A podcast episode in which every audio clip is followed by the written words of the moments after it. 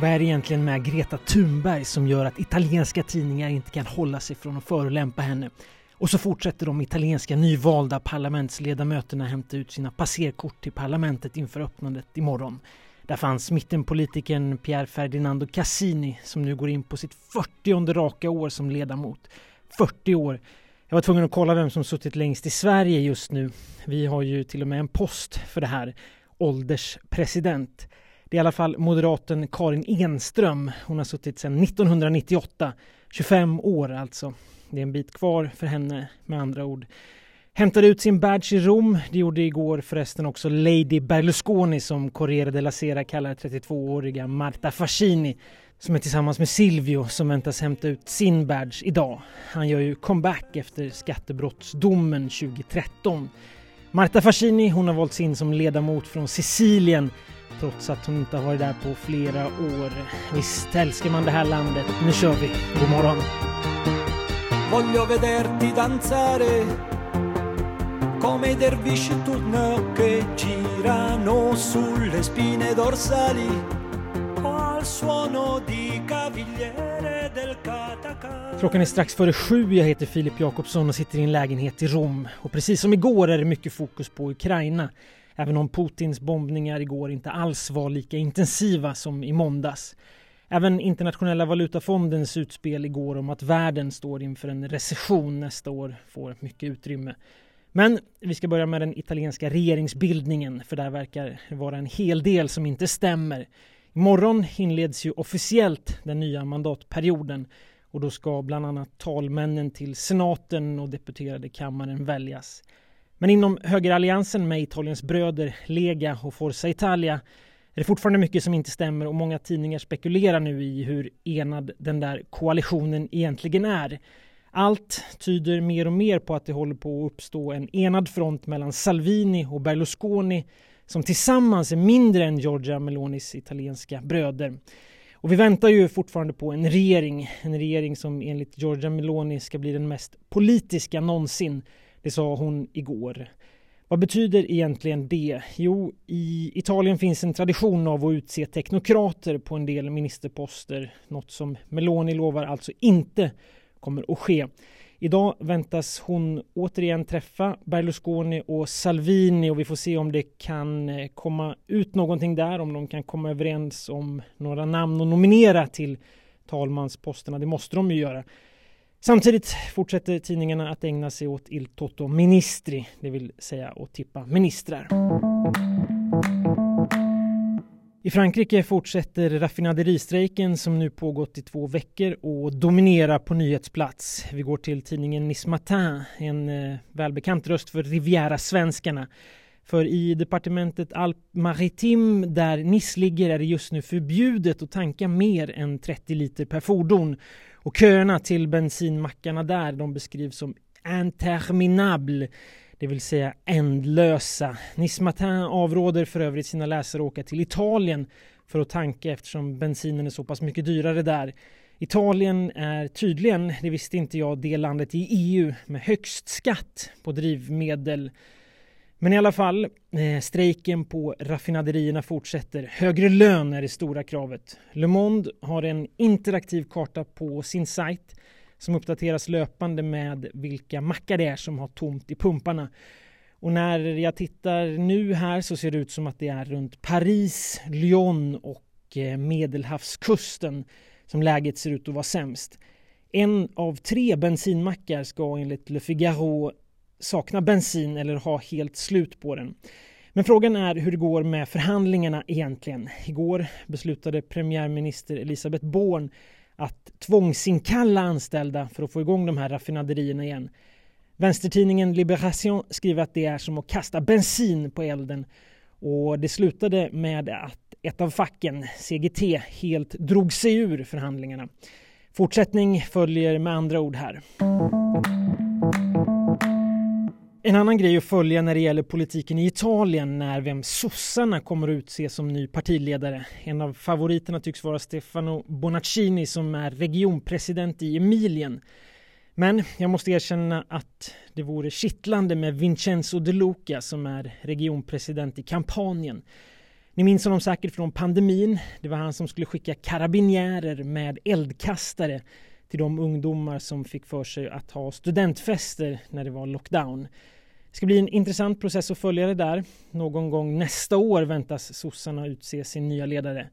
Bland tänkbara efterträdare till Enrico Letta finns förresten även Ellie Schlein som onekligen skulle vara en revolution.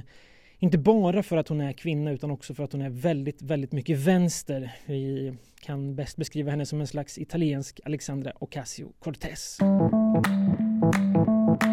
En positiv nyhet hämtar vi från spanska El País. För första gången någonsin genomfördes igår i Madrid en tarmtransplantation från en person som dött av att hjärtat stannat. Jag måste faktiskt erkänna att det här inte riktigt är mitt område men det vanliga är att man transplanterar ett organ från en kropp som fortfarande lever. Alltså att hjärtat slår men att personen efter en trafikolycka eller liknande konstaterats hjärndöd.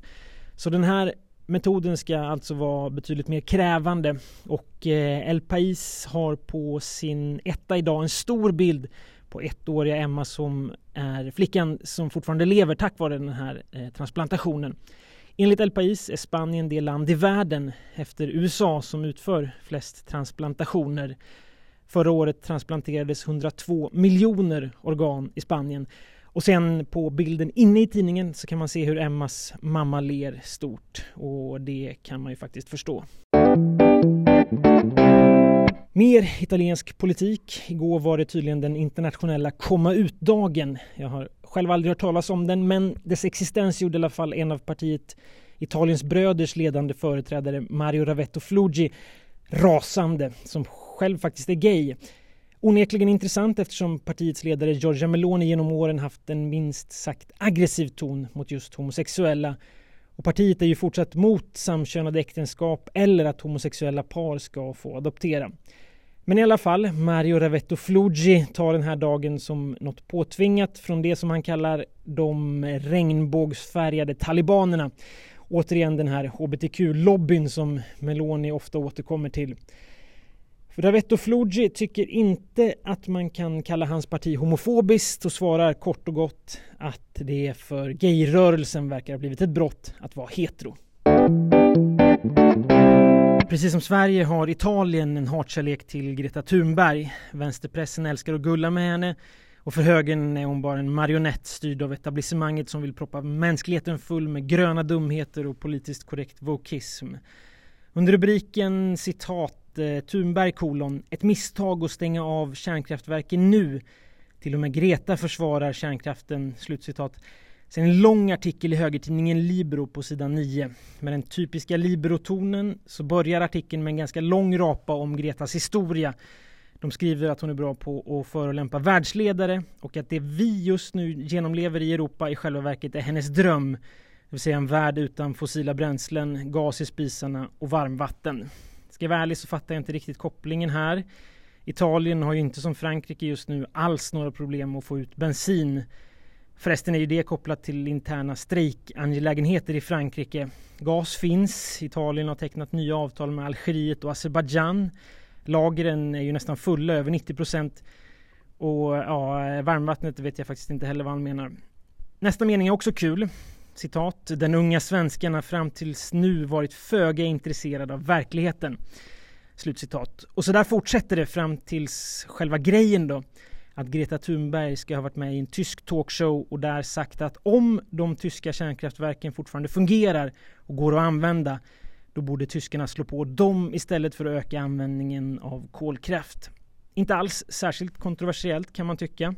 Men precis som i Sverige var kärnkraften en fråga i valrörelsen även här i Italien och Libero-journalisten då Sandro Giacometti som helt uppenbart, eh, om man läser artikeln, avskyr Greta Thunberg använder hennes utspel för att landa i slutsatsen att nu när Greta har kommit till insikt om det här kan någon då förklara för den italienska vänstern och femstjärnerörelsen att kärnkraft är bra och inte alls ett djävulens verktyg. Jag påminner om att Italien idag inte alls har någon kärnkraft överhuvudtaget. Men att högern och då framförallt Legas Matteo Salvini gick till val på att bygga ut den. Även tidningen Il Foglio tar upp Greta idag och påminner om att Italien för första gången har en majoritet i parlamentet som är för kärnkraft. och eh, frågar sig sen vad det här egentligen kan innebära. Kommer att byggas nya kärnkraftverk i Italien. Under tiden kanske det bästa vore om någon kunde berätta för Libero-journalisten att ett nytt kärnkraftverk dröjer 10 till 15 år innan det står klart. Så det är knappast någon snabb lösning på hans eventuella brist på varmvatten. På samma sida i Libero som artikeln om Greta Thunberg finns ett kort uttalande i notisform från ordföranden för Federalbergi, Italiens motsvarighet till Visita kan vi säga. Det är alltså en branschorganisation som samlar bland annat turistnäringen. Han kallar den nuvarande energikrisen för en ny covid som ju slog extremt hårt mot den italienska turismen. Det märkliga här är att tidningen Libro får hans uttalande och nu citerar jag Energikrisen är som covid, slutcitat. Som covid alltså. Ändå blir rubriken i Libro värre än covid. Alltså energikrisen är värre än covid. Inte som, som ordföranden för Federalbergi säger. ja, vad trött man blir. Jag glömde nämna det igår men jag tror att det är bra att göra det eftersom det kommer fortsätta vara en viktig nyhet i Italien. Det handlar om 30-åriga italienska influensen och resebloggaren Alessia Piperno som greps i Teheran på ett hostel för en vecka sedan under vad man kan kalla extremt tveksamma omständigheter. Den iranska regimen anklagar henne för delaktighet i de senaste veckornas protester och den tidningen som bevakat det här bäst hittills det är nog Corriere della Sera. Hon har nu suttit inlåst i en vecka och det verkar vara väldigt lite information som kommer ut. Eh, italienska UD, La Farnesina som det heter, säger att de jobbar på det. Som en parentes kan jag bara säga att när nyheten kom ut om att hon gripits var en reaktion bland flera såklart att hon får skylla sig själv. Ung, oerfaren så åker hon till diktaturens Iran. Men går man in och tittar på hennes Instagram, Alessia Piperno, alltså, så är hon inte alls särskilt orutinerad. Det här är en eh, tjej som levt under flera år på att resa till platser dit de vanliga resebloggarna kanske inte åker. Hennes öde fortsätter i alla fall att vara höljt i dunkel. Men kommer uppdateringar då signalerar jag såklart. På fredag kommer förresten en ny italiensk serie ut på Netflix. Everything calls for salvation. Den ska handla om mental ohälsa bland unga. Det låter ju jävligt kul. Nej, men eh, i alla fall huvudpersonen kommer att vara Martino från italienska Skam. Och han är ju fin i alla fall. Come le zingare del deserto con candelabri in testa o come le balinesi nei giorni di festa det där var det jag hade att bjuda på för den här gången. Vi hörs igen imorgon. Ta hand om er och ha en riktigt bra dag.